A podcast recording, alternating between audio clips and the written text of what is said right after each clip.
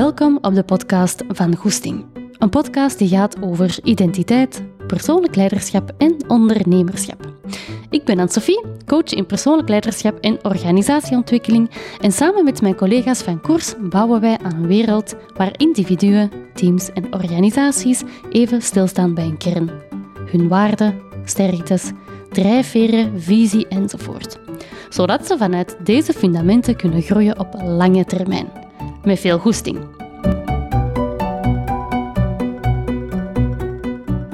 Hey en welkom opnieuw op een nieuwe podcastaflevering.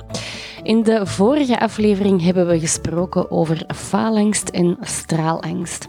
Ik heb daar mega veel reactie op gekregen, um, dus het lijkt mij alsof dat, dat een thema is dat toch heel veel mensen, um, dat wat toch heel veel geresoneerd heeft bij mensen. Dus dat is kei tof. Blijf dat doen, blijf reageren. Um, Laat mij zeker weten hoe dat jij de afleveringen vindt, omdat mij dat ook enorm veel helpt om te weten welke onderwerpen dat jullie fijn vinden en waar ik dus nog een beetje verder in kan gaan. En dat is ook wat we vandaag gaan doen. Vandaag gaan we het hebben over angst. Wat is dat eigenlijk? Nu, angst is een emotioneel stresssignaal. En voor heel veel mensen is angst dus ook een heel groot woord. Emotioneel stresssignaal, dat is ook al zo'n zwaar woord. um, maar weet je, stel nu dat ik u de vraag heel blunt stel. Waar heb jij angst voor? Dan is dat soms ook gewoon heel moeilijk om hier een antwoord op te geven. En wie weet komt je wel heel snel op, oh, ik ben kei bang voor spinnen. Of, oh my, als er ooit iets zou gebeuren met mijn eh, kind of met mijn partner, ja, dat, kom ik niet, dat daar heb ik heel veel angst voor. Dat zijn zo van die soorten angsten die heel snel naar boven komen. En ik hoorde onlangs in een podcast dat ze in het Engels twee woorden hebben voor angst. Fear en anxiety. En eigenlijk vond ik dat wel toepasselijk, ook voor deze podcast. Want een angst voor spinnen of de angst dat je voelt als je een camion zowel heel dichtbij ziet komen in je achteruitkijkspiegel bijvoorbeeld, dat zijn zo voorbeelden van fear. Maar als we spreken over anxiety, dan is dat een soort van angst dat we onbewust echt wel vaak ervaren.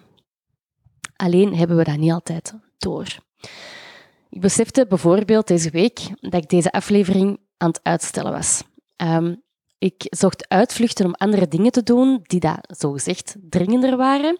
En terwijl dat ik dat aan het doen was, dan voelde ik ergens wel aan dat ik aan het vluchten was, maar eigenlijk besefte ik dat pas een paar dagen later, eergisteren, heb ik dat eigenlijk bewust doorgehad van oké, ik zit hier duidelijk in een flight-modus en ik weet niet zo goed waarom. Op de een of andere manier vind ik het wel spannend om over angst te praten. Misschien ook wel omdat dat een thema is waar dat ik nog niet zoveel over heb gesproken um, naar jou toe, op Instagram, podcast en zo. En eigenlijk is dat wel gek, want in mijn coaching sessies is dat eigenlijk een thema dat bijna dagelijks naar boven komt en waar ik dus ook wel dagelijks mee werk en mijzelf dus ook wel vrij comfortabel bij voel. Maar toch openlijk communiceren over angst naar een grote groep mensen, dat voelt misschien nog wel wat onwennig. Um, Jullie zijn ook wel met heel veel luisteraars en dat is kei leuk. Maar um, soms zorgt dat ervoor dat ik dat ook wel steeds spannender vind om voor steeds meer mensen te spreken. En dat is eigenlijk de contradictie. Hè? Dus dat ik eigenlijk angst had voor deze podcast rond angst. Um, en ik kreeg angst omdat ik volledig wil zijn, omdat ik dit goed wil doen, omdat ik dit onderbouwd wil vertellen. Maar te goed willen doen, te volledig willen zijn, dat verlamde mij eigenlijk gewoon keihard. Dus ik ga vertellen waar ik mij goed bij voel, wat er vandaag opkomt. Um, ik ga proberen om niet te veel vakjargon te gebruiken, want je kunt angst ook op een um, heel vakjargon manier uh, allemaal gaan, gaan uitleggen. Ik kan dat proberen niet te doen.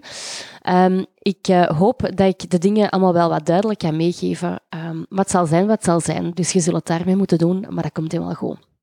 Ik kan ook proberen heel veel voorbeelden te geven vandaag. En waarom vertel ik dat ook nu, dat voorbeeld, dat ik deze aflevering aan het uitstellen ben? Omdat dat eigenlijk een heel mooi voorbeeld is en ook een mooie ingang is om eigenlijk verder toe te lichten wat dat angst in uw lichaam doet. En voilà, zoals ik daar straks al zei, is angst een emotioneel stresssignaal. En andere voorbeelden van zo van die signalen zijn prikkelbaar, spanning, onrust, machteloosheid enzovoort. Dat zijn eigenlijk signalen van onveiligheid voor je zenuwstelsel. En als het onveilig is, dan interpreteert uw systeem dat als gevaar. En als je gevaar, als er gevaar dreigt, dan heeft uw systeem twee reacties. Die kent je sowieso, fight of the flight. Vechten of vluchten. Als je in een vecht- of een vluchtmodus zit, dan is er heel veel energie. En dat komt omdat onze voorouders een verdedigings verdedigingssysteem nodig hadden om te kunnen overleven. En daar is energie voor nodig. En zo ontstond dus de fight of the flight reactie als reactie op stress. En je merkt in mijn voorbeeld dat ik eigenlijk duidelijk in een flight reactie terecht kwam. Uitstelgedrag, vluchten omdat ik het eigenlijk spannend vond. En waarom ik deze voorbeeld aanhaal, is omdat ik het concept angst toch een beetje wil verkleinen. Want vaak zien mensen angst nog als iets heel groot. Zoiets als een ontembaar ding waar we het liefst zo snel mogelijk van uh, ver, ver weg willen. En eigenlijk is dat het begin van het probleem. Want angst is iets dat mensen vaak niet willen voelen. Het is iets om te vermijden, te onderdrukken en vooral dat mag zeker niet getoond worden aan de buitenwereld. Want hé, hey, ik wil niet zwak zijn. Of de anderen hebben geen zaken mee hoe ik mij voel. Die moeten dat niet weten.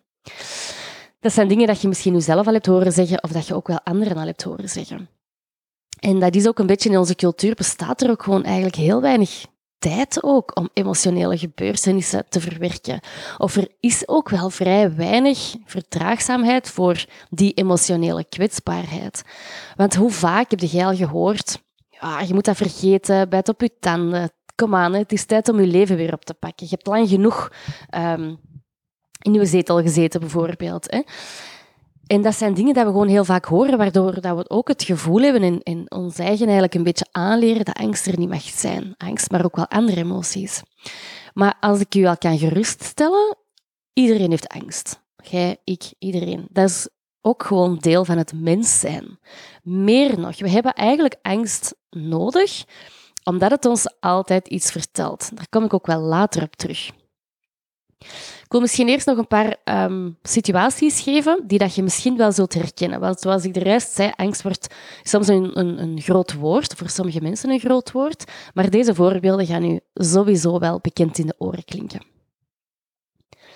Stel dat je met je buurman praat en je hebt eigenlijk schrik om iets fout te zeggen, want het is nogal een imponerende man. Dus je begint die eigenlijk naar de mond te praten. Please dus. In een meeting gaat je toch maar zwijgen omdat je schrik hebt dat anderen je idee maar stom gaan vinden. Flighten.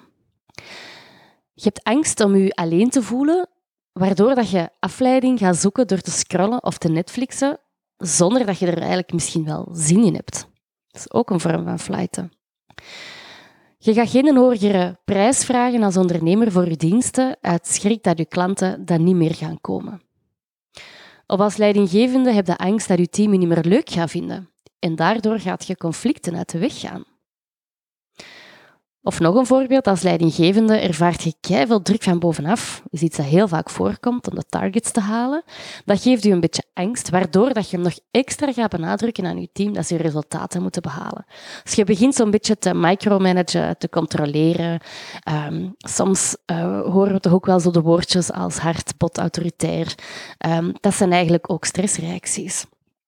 Maar vaak komen die stressreacties die komen van ergens. Mensen reageren niet zomaar, dat komt van ergens. En in al die situaties dat ik zo net heb gezegd, dat zijn eigenlijk voorbeelden waarin dat je laat leiden door je angst. En je merkt in, dat in elk voorbeeld wel een fight of een flight zit. En dat geeft ook um, als gevolg dat je je eigen niet helemaal gaat tonen. Of dat of dat je gedrag impact heeft op anderen en je relatie een gedrag dat impact heeft op anderen in uw relatie. Ik ga heel even een voorbeeld uitwerken om dat nog een beetje tastbaarder te maken. Ah mijn, mijn voorbeeld gaat niet per se over relatie. Mijn voorbeeld gaat over jezelf niet tonen. Stel dat je een keigoed nieuw idee hebt voor een nieuwe campagne. En die, dat idee dat je hebt is zoiets totaal anders dan dat je klanten gewoon zijn van u. Dus sowieso al is dat voor je systeem nieuw. En je lijf, je systeem, vindt dat eigenlijk heel spannend. En dat gaat zich bijvoorbeeld uiten in wat angst. Meteen erbij gaan er sowieso wel wat gedachten komen, zoals bijvoorbeeld, wat gaan mensen daarvan denken, wat als ze mij uitlachen? En tegelijk gaat er ook van alles voelen in je lijf. Zo een knop in je maag, hartkloppingen, je keel dat dichtslipt. Um, daar ga ik zo nog op terugkomen, maar dat is uw lichaam dat reageert. En al die gedachten en al die lichaamssignalen vind je nogal overweldigend voor u. En je gaat die sensaties ook proberen te vermijden door dan toch dat idee, dat nieuw idee dat je hebt, dat toch maar niet uit te voeren. En het moment dat je beslist, oké, ik ga dat niet doen, gaat je lichaam eigenlijk geruststellen. Het is oké, je kunt terug ontspannen. En die gedachten en die lichaamssensaties, zo, die krop in die keel of die hartkloppingen, die vloeien zo weg. Op de korte termijn helpt u dat dus. Maar op de lange termijn gaat u dat niet helpen, want uw idee is daar nog wel en je hebt dat niet naar buiten gebracht. En je, iets dat je zo graag wilde vertellen, heb je dus eigenlijk niet naar buiten kunnen brengen. Dus dat gevoel gaat bij zo nog wel wat vastzitten. En misschien gaat er nog wel wat andere gevoelens met zich meebrengen. Bijvoorbeeld ehm, teleurgesteld zijn in jezelf. Dat kan zijn dat je zoiets hebt van, waarom kan ik nu, nu eens één keer doorzetten? Dus je voelt je gefrustreerd. Dus je merkt al dat je hier eigenlijk al vrij snel in een vicieuze cirkel komt. En dat is exact wat er vaak gebeurt ook bij angst. Of dat is toch wat er gebeurt als je niet doorhebt dat je je aan het laten leiden bent door je angst. En dat je dat angst eigenlijk aan het stuur zit van je leven in plaats van jijzelf. Dus je voelt eigenlijk al aan dat deze um, thema een grote impact heeft op bijvoorbeeld uh, de werkvloer, in deze geval, maar ook op natuurlijk alle andere aspecten, relaties, uw eigen groei enzovoort. Um, andere voorbeelden van, um, van angst. Ik heb sowieso op Instagram een paar keer de vraag gesteld wat dat voor jullie um, angsten zijn, wat dat je regelmatig tegenkomt. En degenen die het meeste naar boven zijn gekomen zijn de volgende. Angst om wat dat mensen van u gaan denken. Angst dat mensen u niet leuk gaan vinden. Angst om mensen teleur te stellen. Angst om dom over te komen. Angst om vriendschappen of familie te verliezen. Angst om een fout te maken in het werk. Angst om waar de wereld naartoe gaat. Angst om verlaten te worden. Angst om te springen voor waar dat jij echt wilt. Angst om het werk gewoon niet rond te krijgen. Angst om het niet goed genoeg, om niet goed genoeg te zijn. Dat zijn allemaal voorbeelden die van jullie zelf komen. En dat zijn eigenlijk ook de voorbeelden die het meeste bij ons in coachingsessies ook naar boven komen. De vraag is dan ook echt, wat ga jij allemaal doen om ervoor te zorgen, als je angst hebt dat mensen je leuk gaan vinden, om ervoor te zorgen dat mensen je toch wel leuk gaan vinden. Wat ga je allemaal doen om mensen toch maar niet teleur te stellen? Wat ga je allemaal doen om toch maar niet dom over te komen? Voelde dat al? Dat zijn eigenlijk allemaal dingen dat je gaat doen om die angsten um, om die eigenlijk te gaan vermijden. En dat is eigenlijk wat we heel vaak doen. Nu, een belangrijke vraag is, van waar komt die angst en wat wil die angst u vertellen? De bedoeling is niet om deze volledig te gaan analyseren. Dat hoeft ook eigenlijk helemaal niet altijd. Maar het hoofd wil deze wel vaak begrijpen. Want dat is ook wat wij geleerd hebben. We zitten in een cultuur waar we graag de dingen analyseren, begrijpen. Maar soms helpt dat ook wel om de dingen een plaats te kunnen geven. En als de dingen een plaats krijgen, dan ervaren we ook wel iets meer rust of zo. En in het vorige voorbeeld zou dat kunnen dat je hè, van, um, van die lancering van die nieuwe campagne, zou dat kunnen dat je misschien ooit een slechte ervaring hebt gehad bij het lanceren van iets helemaal nieuw. Of misschien heb jij van thuis uit nooit geleerd om je kwetsbaar op te stellen en voelde deze nieuwe idee, dat jij stiekem echt heel cool vindt, te kwetsbaar om te tonen. Omdat als ze u zouden afwijzen, dan zou je je persoonlijk afgewezen voelen. Of als ze uw idee zouden afwijzen, zou je je persoonlijk afgewezen voelen. Dat is iets wat we heel vaak zien. En natuurlijk wilt jij niet afgewezen worden, want erbij horen is een menselijke behoefte. Dus uw natuurlijke reflex is dus ook om die angst te vermijden. En dat is ook wat de meeste mensen eigenlijk continu doen. En daar is op zich natuurlijk allemaal niks mis mee als je dat niet weet. Maar nu dat je dat vandaag wel leert kennen, kun je daar wel anders mee omgaan. Want angst vermijden zorgt ervoor dat je op de lange termijn eigenlijk niet ten volle kunt groeien. Of dat je je eigen potentieel niet meer kunt tonen, omdat je bijvoorbeeld je ideeën niet meer echt gaat lanceren. En dat je natuurlijk voor veel extra stress bij je zorgen. En ook in mijn praktijk is dit eigenlijk een topic dat steeds meer aandacht krijgt en steeds meer naar boven komt. Um, wat ik in de praktijk bijvoorbeeld ook heel vaak zie, is een nood aan controle. En um, een voorbeeld van die soort controle die vaak voorkomt, is dat mensen in een nieuwe job zitten uh, of een nieuwe zaak starten. Je wilt dat kei goed doen. En stel dat je al snel merkt dat je bijvoorbeeld in een nieuwe job in een resultaatgerichte cultuur zit, ja, dan ga je extra je best doen, want ja, je hebt de resultaten zijn superbelangrijk, dus je hebt zowel wat schrik om fouten te maken, dus je gaat harder werken en dat harder werken geeft je eigenlijk een gevoel van controle, van dat je goed bezig bent. Maar je voelt ook wel aan dat dat iets is dat niks oplost op de lange termijn. Controle is dus eigenlijk vaak ook een vorm van angstvermijding. En de leidinggevende die het team heel hard gaat controleren, is ook wel vaak een vorm van angstvermijding. Angst om de dingen te behalen, angst dat het niet goed genoeg gaat zijn. Ik heb ter voorbereiding van deze podcast enkele andere podcasts opgezocht um, waar ze specifiek over angst spraken. Ik heb er op zich ook niet heel veel gevonden, maar het viel mij wel op dat in ene podcast angst werd gezien als een probleem dat weg moest. Het ging over de angst wegwerken, de angst stoppen. En ik herhaal mijzelf wel een beetje, maar dit is eigenlijk iets wat we in deze maatschappij wel vaker doen. De angst gaan vermijden. Of er veel te lang mee wachten om erover te praten of om er iets mee te doen. En wat ik vaak hoor is zo, het gaat wel over. Er zijn ergere dingen in het leven. Het zou wel een fase zijn. Zo dat relativeren. En deze gedachten die zorgen ervoor dat je gewoon blijft doorgaan. Doorpakken, even doorbijten, door die zure appel heen. En het gevolg is gewoon dat mensen zich steeds minder goed in hun vel gaan voelen. Nu, wat nu? um, angst is echt waar is iets waar je mee kunt leren omgaan. Je kunt leren om je emoties beter te kunnen reguleren.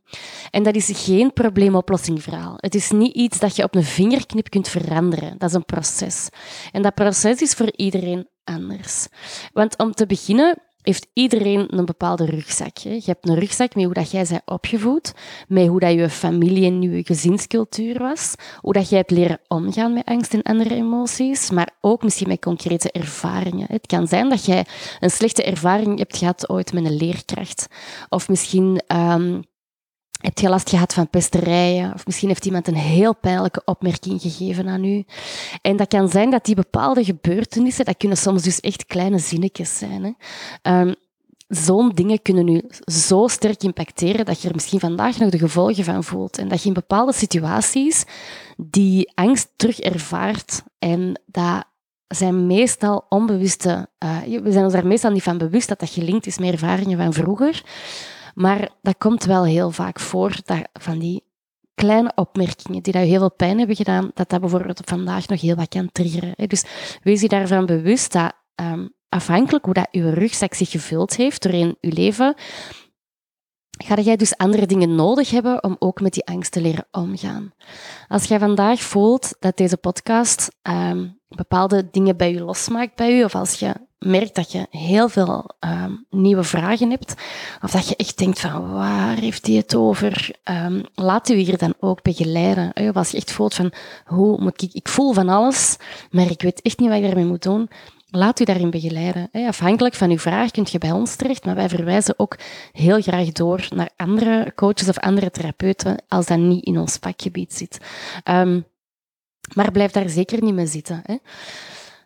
Maar dus om te beginnen is het belangrijk om te weten wat een emotie zoals angst met je lijf doet. Want je lijf gaat altijd eerst zijn. En enkele signalen dat je misschien wel kent, is zo snel en hoog ademen, steen, een, een steen in je maag hebben, um, hartkloppingen, zo een, druk op de borst, dat is iets wat ik ook heel vaak hoor. Of iemand die keel dicht lijkt te knijpen. Zweten, spierspanning, heel veel overdenken, misselijk voelen. Um, ik zie soms ook wel dat mensen heel gespannen hun handen over elkaar wrijven. Dat zijn allemaal lichaamssignalen. Dat zijn niet per se lichaamssignalen die gelinkt zijn aan angst, maar wel aan bepaalde emoties. Of het is uw lichaam dat u vertelt dat je het allemaal wel wat spannend vindt. Ik merk bijvoorbeeld vandaag is in deze aflevering, ik ben iets te laat begonnen met de opname, dus ik ben heel krap um, om Manon te gaan halen van school. En ik merk dat ik ook daardoor iets sneller praat als normaal. Heeft niet per se met angst te maken, of ja, misschien een beetje, een beetje schrik om te laat te komen. Um, ik merk dat mijn ademhaling iets hoger zit en dat ik dus ook iets sneller uh, praat. Excuses als je daar misschien een beetje zenuwachtig van wordt, maar kijk, um, het leven is niet altijd gepland. En de old, die old me zou zeggen, ik ben gewoon vanavond opnieuw, maar ik heb zoiets. Ik ben nu in mijn uh, trein, um, ik ben mijn verhaal aan het vertellen, dus ik kan die nog even afmaken. Goed, de eerste stap is dus uw signalen leren herkennen bij uzelf. Noteer dus ook eens voor jezelf in welke situaties dat bepaalde lichaamssignalen regelmatig bij je voorkomen. Als jij bijvoorbeeld merkt van, ah ja, ik heb dat kei vaak, zo die druk op mijn borst of zo, die, die steen in mijn maag. Als je, als je dat al kunt herkennen bij je eigen, zit al zo'n grote stap verder.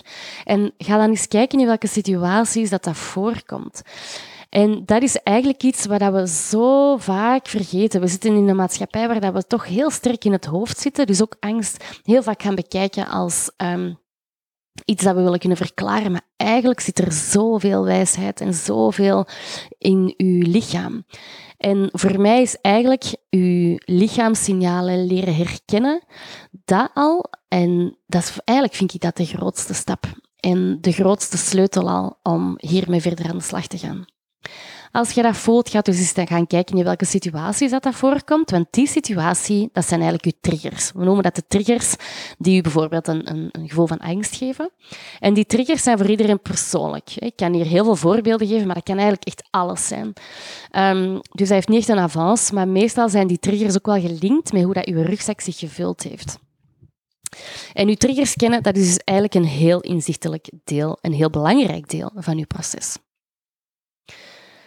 Dus voilà, als je je triggers kent en je kunt je lichaamssignalen herkennen, dan gaat het natuurlijk ook nog een reactie hebben. Ik heb eenmaal op het begin al gesproken over de fight, de flight en de freeze. De freeze heb ik nog niet over gesproken, denk ik. Maar dus je hebt eigenlijk um, in eerste instantie, als we uh, grote stress ervaren, komt de fight of the flight reactie. Um, een fight is eigenlijk uh, sterk willen controleren, heel resoluut worden, defensief, moeilijk luisteren, duidelijk grenzen kunnen stellen. Dat zijn enkele voorbeelden van een fight. En enkele voorbeelden van een flight zijn bijvoorbeeld uitstelgedrag, niet willen praten, van onderwerp veranderen als het te spannend wordt, heel moeilijk kunnen ontspannen. Dat zijn allemaal voorbeelden van de flight. Maar soms kunnen we niet fighten of kunnen we niet flighten. Bijvoorbeeld, stel dat jij bij, uh, ik zeg maar iets, hè, een klant zit en die klant die triggert u mega hard, om welke reden dan ook. Ja, het is natuurlijk heel moeilijk om bij die klant in je fight te gaan zitten. Um, dat gaat misschien wel even voorkomen, maar je gaat dat proberen in te houden. Want ja, je hebt zoiets, ja, ik moet wel professioneel blijven. Dat is hier een goede relatie eigenlijk, dus ik moet deze... Dus eigenlijk kun je niet echt fighten. Flighten gaat ook niet, want je kunt moeilijk zeggen, ik ben weg dat kan, dat is misschien een optie, maar dat gaat niet altijd mogelijk zijn. Dus als je niet kunt fighten en je kunt niet flighten, dan ga je freezen. En de freezen is eigenlijk de volgende stap. Dat is eigenlijk dat je... Um, het typische voorbeeld daarvan is bijvoorbeeld een, een blackout. Hè. In, stel dat je voor je klant zit, dat je echt voelt dat je zo wat met je mond vol tanden zit en je krijgt er eigenlijk niet meer echt iets uit. Dat is een voorbeeld van een freeze. Andere voorbeelden van freeze is um, het gevoel hebben van vast te zitten, te moe om na te denken, maar ook bijvoorbeeld jezelf isoleren. Als je heel lang heel veel stress hebt ervaren en je bent eigenlijk moe geworden, want de fight en de flight, dat zijn zo, dat zijn zo nog de toestanden waarin dat je heel veel energie hebt, dus nog heel veel strijdvaardigheid, nog heel veel energie hebt, maar als je dat te lang in hebt gezeten, ja, dan wordt je lichaam ook gewoon moe en dan gaat dat niet meer. En dan word je ook gewoon te moe om nog na te denken, word je nog te moe om bepaalde dingen te doen. En we zien dan ook wel dat mensen zich um, gaan isoleren, bijvoorbeeld. Of een ander voorbeeld is geen keuzes meer kunnen maken. Um, dat is dus eigenlijk die, die freeze. Je hebt dan ook nog de follow. De follow is, een, um, is pleasen. Dus dat is eigenlijk dat je er alles aan gaat doen om de andere persoon, dat die maar oké is. Dus dat is ook wel iets dat we nog heel veel, uh, nog heel veel zien. Dus dat zijn eigenlijk um, reacties op angst, maar dus ook wel reacties op andere dingen. Hè? Andere emoties, zoals uh, machteloosheid of verdriet, maar, omdat we het niet over angst hebben. Maar dus eigenlijk wat ik vertel over die, die, flight, die, die fight, die flight, die freeze en zo, ik heb het nu vandaag over angst, maar je kunt dat doortrekken naar alle uh, emoties. Voilà, dus waarschijnlijk ga je wel herkennen in een van die zaken. Um, en belangrijk voor je om te weten is als jij in een fight, een flight of een freeze zit, en een follow eigenlijk ook, dan kun je eigenlijk heel moeilijk connecteren van die toestand. Want eigenlijk gaat je in deconnectie op die moment. Um, als je in deconnectie zit, is het dus ook gewoon heel moeilijk om verbindende gesprekken aan te gaan. Of om heldere beslissingen te maken, omdat je gewoon vol in je emotie zit. Je moet maar eens proberen om met een collega een verbindend gesprek aan te gaan als je eigenlijk helemaal in je boosheid zit. Je moet dat maar eens proberen. Je bent heel hard getriggerd, omdat die persoon misschien al, zeg maar iets, drie, vier keer bepaalde afspraken die voor u belangrijk waren, niet heeft nagekomen. Je voelt dat die boosheid nog in u zit, omdat je bijvoorbeeld, uh, je voelt hartkloppingen en je voelt dat je zo aan het zweten bent en dat je heel ambetant bent. Probeer dan maar eens op een constructieve en verbindende manier dat uit te leggen aan die persoon. Dat gaat waarschijnlijk niet marcheren. Dat komt omdat je op dat moment in je fight zit. En dat is belangrijk. Want heel veel mensen um, hebben niet altijd door dat ze in een fight, the flight of the freeze toestand zitten. En die gaan van daaruit handelen zonder er misschien over te praten. En dat is dan heel moeilijk, of dat heeft een hele grote impact op mensen rondom rond. bijvoorbeeld in organisaties, wat zien we nog, is als iemand bijvoorbeeld met, met heel veel angst zit, um, of, of door, een, door, door te hoge werkdruk bijvoorbeeld, dat iemand zich bijvoorbeeld volledig gaat isoleren zonder erover te communiceren. Ja, dat is natuurlijk heel moeilijk voor de rest van dat team om, om ja, één, die persoon ook te kunnen helpen. Mensen beginnen dan te twijfelen aan zichzelf. Van, oh, heb ik iets fout gezegd? Heb ik iets verkeerd gedaan? En je voelt al, dat, dat zorgt ervoor dat, dat er zowel wat um, dingen in gang worden gezet. Hè. Um, nu, als jij bij jezelf wel al kunt aanvoelen dat een situatie je getriggerd heeft, of dat je angst voelt, en je voelt dat je in je fight, in je flight of in je freeze komt, dan heb je eigenlijk al een heel grote stap vooruit om daarmee aan de slag te gaan. Wat mij bijvoorbeeld enorm hard helpt, is als ik me ervan bewust ben, om dat ook te benoemen. Omdat ik dan merk, door het te benoemen, kom ik eigenlijk al vrij snel uit mijn uh, fight, flight of mijn freeze. En kan ik daarna ook wel, um, kan ik daarna ook wel, wel verder. Hè? Dat had ik vroeger veel minder. En gewoon al weten, oké, ik zit hier duidelijk in mijn fight, dan kun je dat gaan benoemen. Nu, ik ga er zelfs nog heel even op verder gaan, want naast benoemen zijn er natuurlijk nog heel veel andere dingen dat je kunt doen. In coaching werken wij vaak met ACT, Acceptance and Commitment Therapy. En dat is eigenlijk een manier om moeilijke emoties te leren voelen, verdragen, zodat je ze nadien ook kunt accepteren. En ACT helpt dus om bepaalde emoties, zoals bijvoorbeeld angst, toe te laten, zodat dat niet meer iets is dat, we, dat je per se uit de weg wilt, maar dat je leert dat dat iets is dat je eigenlijk als mens kunt dragen. Dat je leert dat dat ook deel is van mens zijn. En dat is iets dat erbij hoort en meer nog. Het helpt u zelfs om te vertellen wat jij belangrijk vindt of waar dat het gevaar zit voor u. En um, naast ACT, ik vind het eigenlijk heel fijn om te werken, omdat ACT ook heel vaak te maken heeft met um, mensen meepakken in een, visualisatie of een meditatie. En um, we merken daar in de praktijk heel, heel goede uh, moet ik dat zeggen? Heel goed, uh, we merken dat dat een hele goede impact heeft. Uh, of dat dat heel goed werkt. Dus dat is eigenlijk heel fijn om mee te werken, omdat dat ook een, een, um, een manier is waarop dat we merken dat mensen ook gewoon tijdens sessies leren om dat het gewoon oké is om dat ook toe te laten. En vaak merk ik zelfs dat dat een van de eerste keren is dat ze dat ooit gedaan hebben. Dus het is ook wel echt iets nieuw voor heel veel mensen om dat toe te laten. Want dat lijkt misschien gemakkelijk dat ik dat hier zo zeg. Je moet je angst toelaten. is echt niet zo simpel. Ik moet zeggen dat ik dat ook niet zo gemakkelijk vond. En er zijn soms situaties dat ik dat nog altijd moeilijk vind. Dus dat is ook gewoon iets dat we misschien niet altijd geleerd hebben.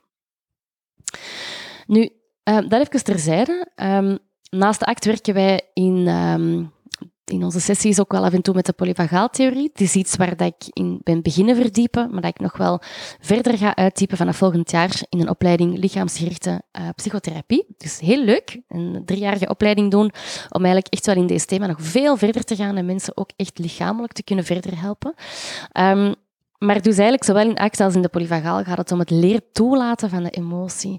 Want als er ruimte is voor de emotie, dan zal die emotie aan zich minder aan het stuur zitten en kun je ook terug daarna in een modus van ontspanning, rust en eigenlijk veiligheid komen. Want angst is, wil eigenlijk zeggen, het is hier niet veilig. Nu, er zijn verschillende manieren om te leren omgaan met die emotie. Ook hier, afhankelijk van uw rugzak, is het aangewezen om uh, bij een coach of een therapeut aan de slag te gaan. Ik zou dat ook wel echt aanraden als je vandaag voelt dat bepaalde emoties of, of angst voor u echt wel belemmerend is om rust te kunnen vinden of om gewoon je goed te kunnen voelen. Of misschien dat jij wel merkt, ik, ik wil zo graag bepaalde beslissingen maken, maar er is zoveel dat mij tegenhoudt of ik durf dat niet of er zit zoveel angst op. Ga daar dan mee aan de slag, want je kunt hier echt wel iets mee. Ga dus ook voor jezelf op zoek wat je kan helpen om je emoties te reguleren. Um, in de polyvagaaltheorie worden deze glimmers genoemd. Dat zijn eigenlijk kleine hulpmiddelen dat je kunt inzetten. Een voorbeeld van een glimmer is een wandeling, meditatie, muziek maken, tuinieren, schrijven, ademhalingsoefeningen. Dat, is voor iedereen persoonlijk en dat is echt iets waar je eigenlijk bij eigen moet gaan kijken wat dat je helpt. Allee, moet, je moogt gaan kijken naar wat dat voor je helpt. Niks moet natuurlijk. Maar het is wel iets dat je... Um, dit is wel anders uh, per persoon. Wat aan mij bijvoorbeeld enorm hard helpt en wat ik heel vaak gebruik in sessies is de 4-7-8-ademhaling. Die komt uit de polyvagaal, van Lux Wiener. Dat wil eigenlijk zeggen dat je 4 seconden gaat inademen, 7 seconden je adem gaat aanhouden en 8 seconden gaat uitademen. Belangrijk hierin is eigenlijk dat je um, deze reeksje van 4, 7, 8 vier keer doet. Ik doe dat elke ochtend, ik doe dat elke avond. En eigenlijk doe ik dat ook heel vaak mee met mijn klanten tijdens sessies, omdat mij dat ook tijdens sessies gewoon zelf heel erg mee tot rust brengt. En dat is echt een, een ja, ik vind dat echt een hele, hele goeie. Die helpt mij enorm. Um, maar dus deze zou ik eigenlijk al sowieso aanraden. Die is morgens, avonds doen. Dat duurt echt niet lang. Um, en dat je daarnaast ook nog eens kijkt wat je helpt om ook um, die rust wat terug te vinden. Hè. Dat zijn eigenlijk voorbeelden van zelfregulatie. Dingen dat je op je eigen kunt doen. Naast zelfregulatie is er ook co-regulatie. Dat zijn eigenlijk hulpmiddelen dat jij inschakelt om iemand anders te doen. Bijvoorbeeld um, een gesprek hebben met een vriend over hoe dat jij je voelt. Kan heel veel deugd doen. Hè? Of een coach of een therapeut. Of wat dat ook heel goed helpt, dat is maar een voorbeeld, hè, is maar zo'n lange knuffel. Omdat een lange knuffel zorgt ervoor dat, u, dat je elkaar kunt co-reguleren en dat, dat zorgt er eigenlijk voor dat je, je systeem tot rust komt. Dat zijn zo van die voorbeelden die u helpen, um, maar er zijn er natuurlijk nog heel wat andere. Hè. Ga voor uw eigen persoonlijk uitzoeken wat dat u helpt. Voilà. Um, als je voelt met deze podcast, ja, ja, je kunt dat hier allemaal wel zeggen, maar dat is voor mij echt onmogelijk allemaal. Um, ik vind deze echt heel complex. Dat kan, dat is ook helemaal oké, maar laat u er dan wel in begeleiden. Um, er kunnen zoveel nieuwe deuren voor je opengaan als je leert omgaan met je angsten. Ja, dat echt, ik, ik vind dat echt zo belangrijk. En ik moet zeggen dat ik daar eigenlijk heel dat ik dat heel jammer vind om te zien hoeveel mensen zoveel potentieel in zich hebben, maar dat niet kunnen uiten of dat niet kunnen tonen, omdat daar gewoon een belemmering van angst op zit. En weet dat het, is niet omdat ik deze podcast maak, dat ik ook door al mijn processen heen ben. Integendeel, hè? want ik denk zelf dat dat is een ongoing proces. Ik denk ook dat dat nooit echt eindig is. Maar wat ik wel merk, is dat bewustzijn rond deze thema en er iets mee doen, dat dat gewoon echt heel veel doen, heel veel deuren open doen, heel veel ook innerlijke rust geeft. Dus voilà, ik, um, ik, vond het, um, ik heb wat geploeterd om deze aflevering te maken, omdat ik het zo duidelijk mogelijk wou doen. Ik hoop dat het um, testbaar en duidelijk genoeg was voor u. Um, ik hoop ook dat ik zo weinig mogelijk vakjargon heb gebruikt. ik heb mijn best gedaan. Ga ermee aan de slag als je er zin in hebt. Het is een heel mooi thema om mee aan de slag te gaan. Het zal niet de weg van de minste weerstand zijn, integendeel. Maar de weg van de meeste weerstand geeft ook wel vaak het gevoel van voldoening en er sterker uitkomen. Dus geniet ervan en trust the process. Ziezo, het zit erop. Ik vond het super fijn dat je luisterde. Dank je wel daarvoor. En laat ook zeker even weten wat je van deze aflevering vond. En nog leuker, delen met je eigen netwerk, want zo kunnen we samen meer impact maken. En als je meer wil weten over onze programma's, ga dan zeker even naar onze website www.koers.team of stuur me een berichtje. Tot binnenkort!